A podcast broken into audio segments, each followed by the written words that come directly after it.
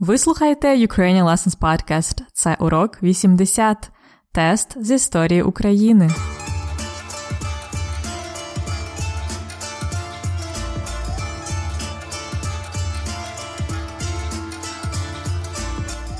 Привіт-привіт! Це Анна, ваша вчителька української, з новим епізодом подкасту Уроки української, останнім епізодом цього сезону. Зараз я вже в Україні. Я повернулася зі Сполучених Штатів, де я викладала українську мову за програмою Фулбрайта. Це було дуже цікаво, але я також дуже-дуже рада бути знову в Україні, в Києві. До речі, кілька днів тому я отримала дуже гарний лист українською мовою від слухачки подкасту Кортні. Кортні пише: Я зараз живу і працюю у Черкасах. У мене є питання, ідея, чи можна зустрітися в Києві? Декілька волонтерів будуть у Києві наприкінці червня, якраз щоб вчити українську мову. Можливо, ми зможемо зустрітися на обід або на каву? Чудова ідея, Кортні. Я з задоволенням зустрілася б з вами, з усіма слухачами подкасту. Тому, якщо ви слухаєте цей епізод влітку 2018 року, то я буду в Києві і буду дуже щаслива, якщо ми зможемо організувати зустріч Ukrainian Lessons Podcast в Києві наприкінці червня. Тому, якщо ви зможете бути в Києві, пишіть. Інша слухачка подкасту Каролін написала мені, що буде у Львові у серпні.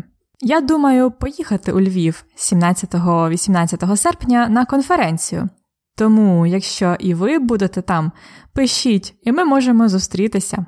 Ось такі у нас чудові плани. А сьогодні останній урок другого сезону подкасту. Минулого разу ми закінчили короткий курс з історії України, а сьогодні я підготувала для вас тест. Подивимось, як ви знаєте історію України, а також ви зможете повторити деякі слова та терміни, які ми вчили на уроках 71 до 79. Ви готові до тестування? Але спочатку я зроблю ще вступ англійською мовою.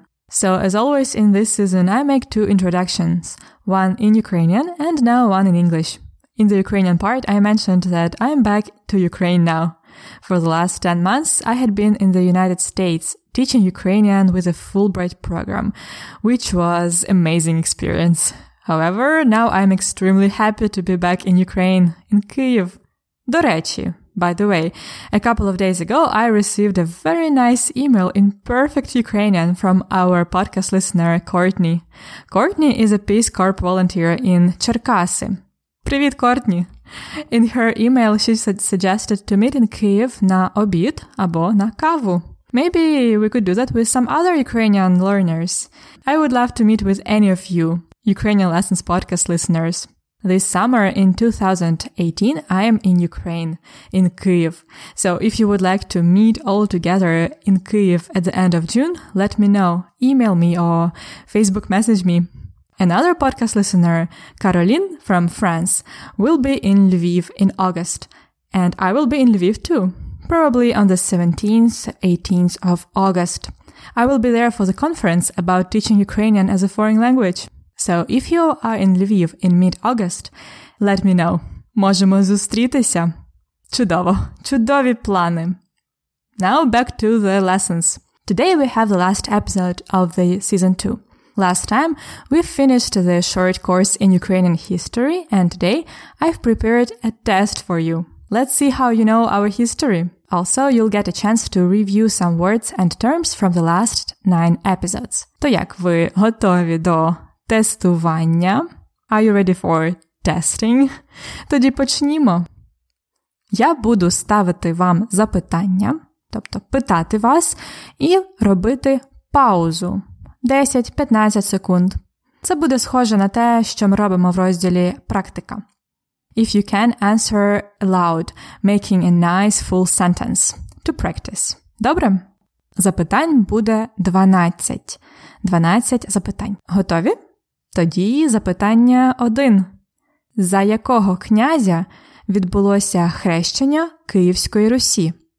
А. Святослава, Б. Володимира, В. Ярослава. За якого князя відбулося хрещення Київської Русі?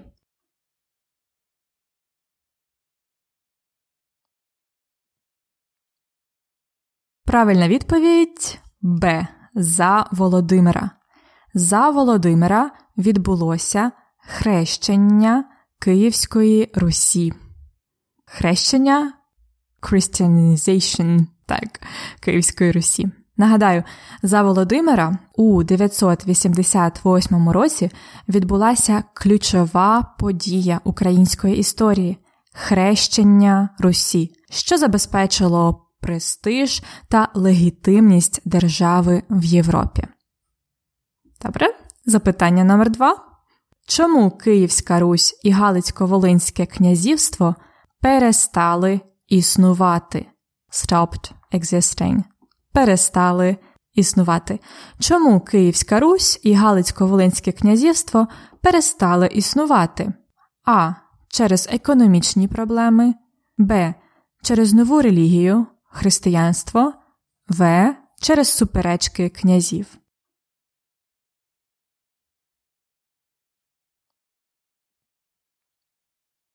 Правильна відповідь В. Через суперечки князів. Київська Русь і Галицько-Волинське князівство перестали існувати через суперечки князів. Суперечки, пам'ятаєте? Arguments, disputes, controversy. Суперечки. Ці дві держави, Київська Русь і Галицько-Волинське князівство, занепали через суперечки або через сварки князів. Запитання 3. Що сталося на Берестейській унії у 1596 році? А. Об'єднання католицької і православної церкви, Б. Створення греко-католицької церкви, В. Обидва варіанти. Обидва both варіанти options. Що сталося на Берестейській унії у 1596 році?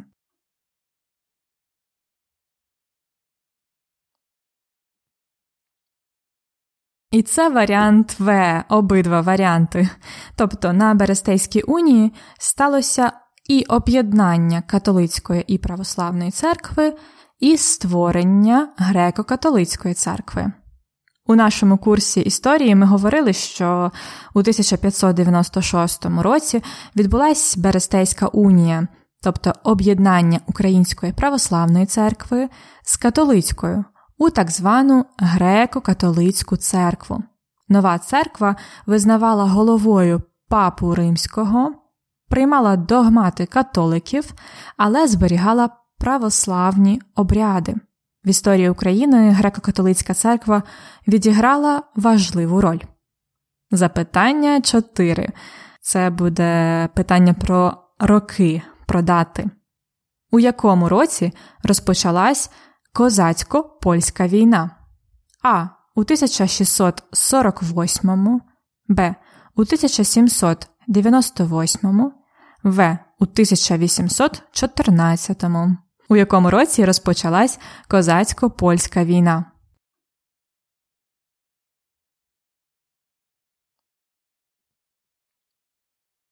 Правильна відповідь А. Козацько-польська війна розпочалась у 1648 році, тобто в 17 столітті, а не в 18 чи 19, як в інших варіантах. Це була козацько-польська війна під проводом Богдана Хмельницького. Пам'ятаєте? Вона почалась як боротьба за права козаків, але вже на початку 1649 року Богдан Хмельницький сказав, що хоче вигнати поляків з України. І запитання 5. Хто такі кріпаки? А. Козаки, які боролися проти козацької шляхти. Б. Залежні селяни, які мусили працювати на панів, В. Люди, які емігрували за кордон у 19 столітті. Хто такі кріпаки?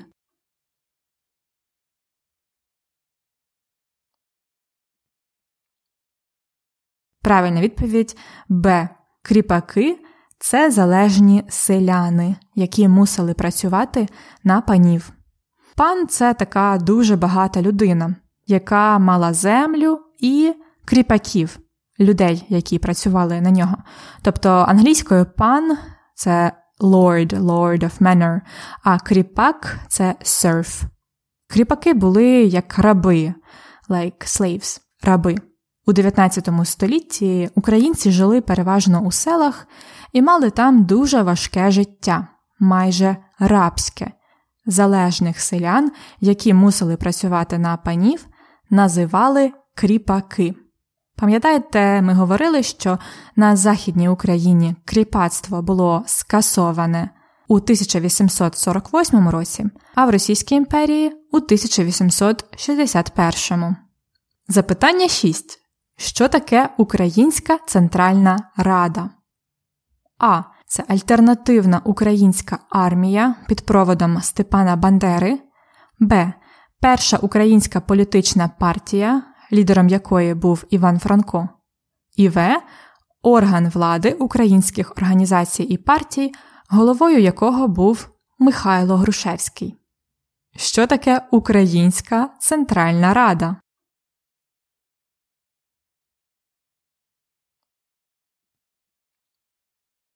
Правильна відповідь В. Українська Центральна Рада це орган влади українських організацій і партій, головою якого був Михайло Грушевський. Тут ми говоримо про 1917 рік. Тоді в Україні і в Росії після війни панував хаос. Це дало шанс лідерам українських організацій створити свій орган влади. Українську Центральну Раду. Її головою став український історик Михайло Грушевський. Запитання 7.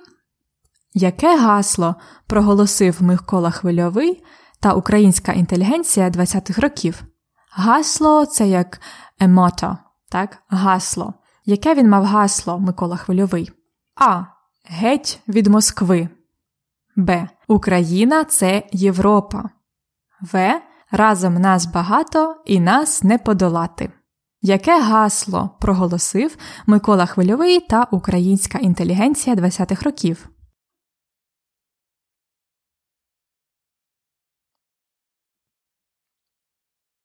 Правильна відповідь А. Микола Хвильовий та українська інтелігенція 20-х років проголосили гасло Геть від Москви. Get away from Moscow meaning the culture and literature should be oriented in the European direction instead of uh, only the Russian influence. By the way, гасло Україна це Європа це гасло Євромайдану, Революції Гідності. А гасло Разом нас багато і нас не подолати це було на помаранчевій революції 2004 року. Наступне запитання 8. Який народ Серед інших, among others, було примусово депортовано з України у далекі регіони СРСР у 1944 році. Примусово депортовано. Forcefully deported. А. Євреї, Б. Поляки, В. Кримські татари. Який народ було депортовано з України у 1944 році?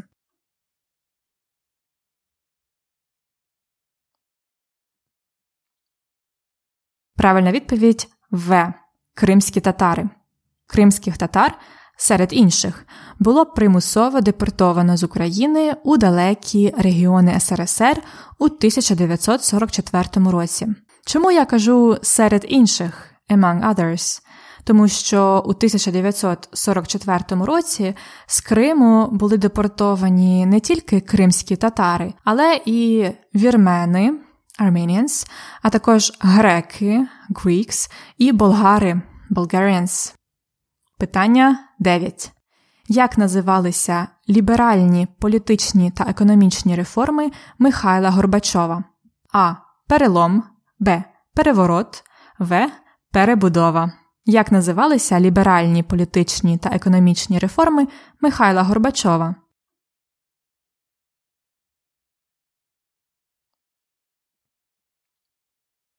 Це була перебудова В. Перебудова це ліберальні політичні та економічні реформи Михайла Горбачова. Перелом це breaking, turning, як переломний момент.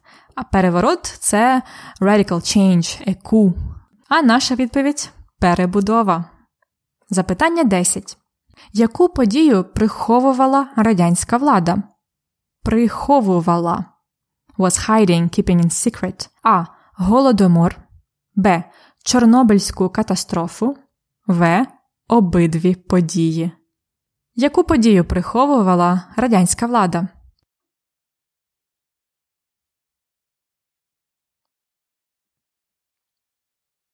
Правильна відповідь В.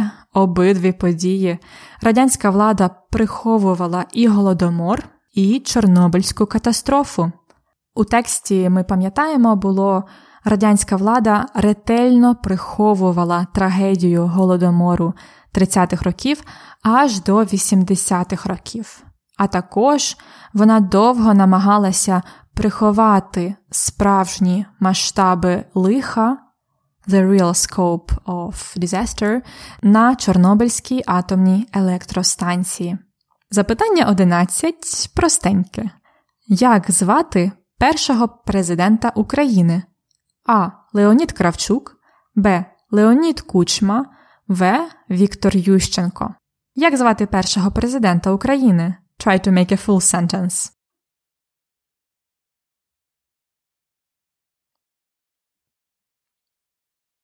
Першого президента України звати Леонід Кравчук. Відповідно, Леонід Кучма це другий президент, а Віктор Ющенко це третій президент.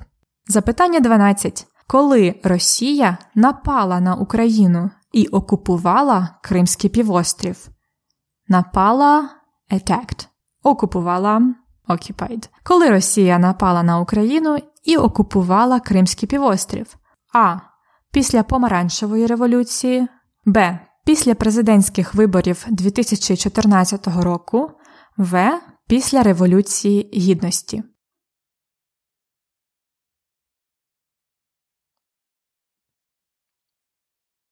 Правильна відповідь В. Росія напала на Україну і окупувала Кримський півострів після Революції Гідності, тобто у 2014 році.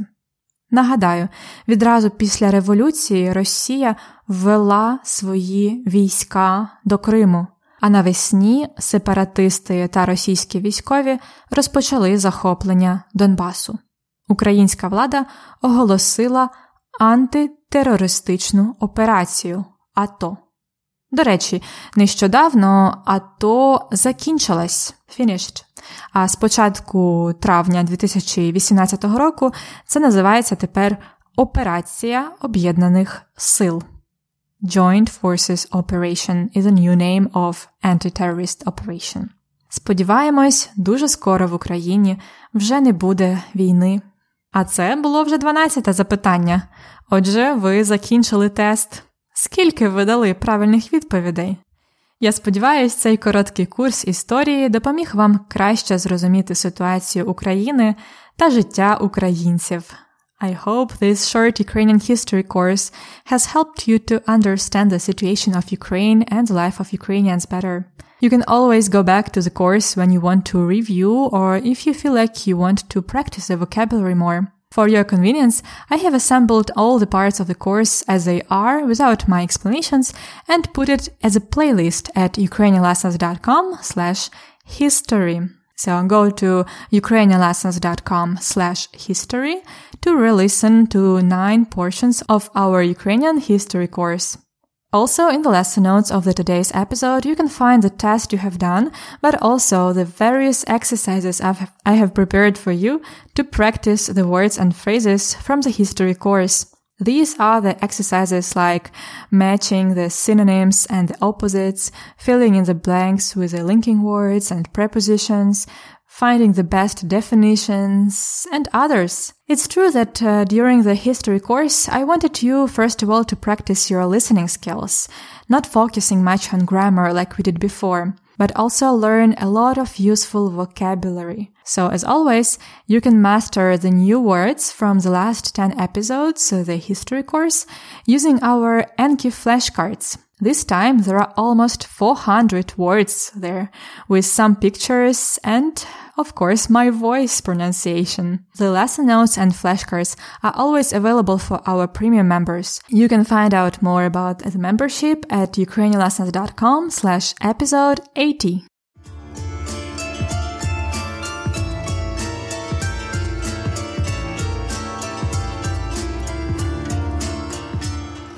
Культурний факт на подкасті.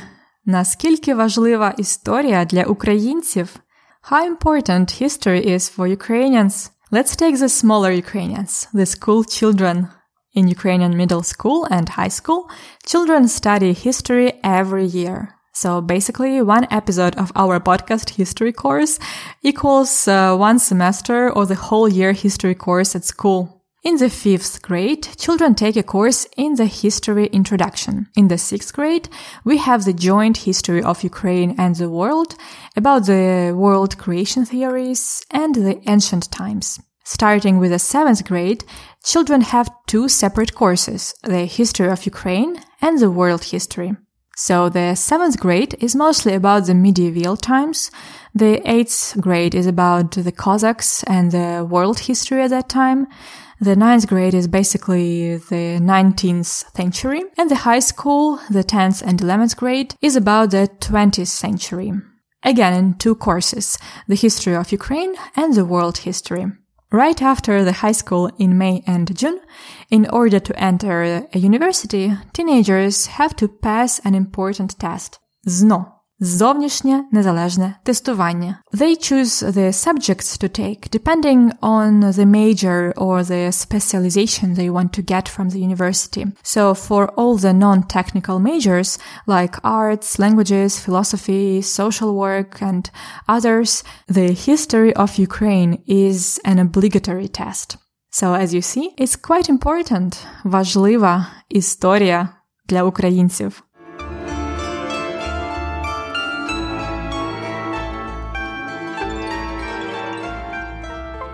І це все це кінець, кінець курсу з історії України, кінець цього уроку і цього сезону. Чи кінець це подкасту Ukrainian Lessons? Я не думаю. The thing is, I love doing the podcast and I love to get great feedback from you and to know that it's helpful for you. So I will be very happy to continue with the season three, but I need some time to plan it and make it the best for you. As so far our audience is not very big, I'm taking every feedback or ideas from you into consideration. So do not hesitate mes- messaging me and telling me what works the best for you from the podcast and what you would like to be more developed or improved. Soon I will be sending an email with a survey to the listeners on our mailing list, but you can just email me if you like. Also, if you are in Ukraine or plan visiting in summer of 2018, Keep in mind that we can meet in Kyiv at the end of June and in Lviv around the 17th of August. Also, check out our premium membership if you haven't already for more practice before the season 3 arrives. You can read the texts in detail there, go do the exercises or learn the vocabulary with flashcards. Find out more at ukrainianlessons.com slash episode 80. ukrainianlessons.com slash episode 80.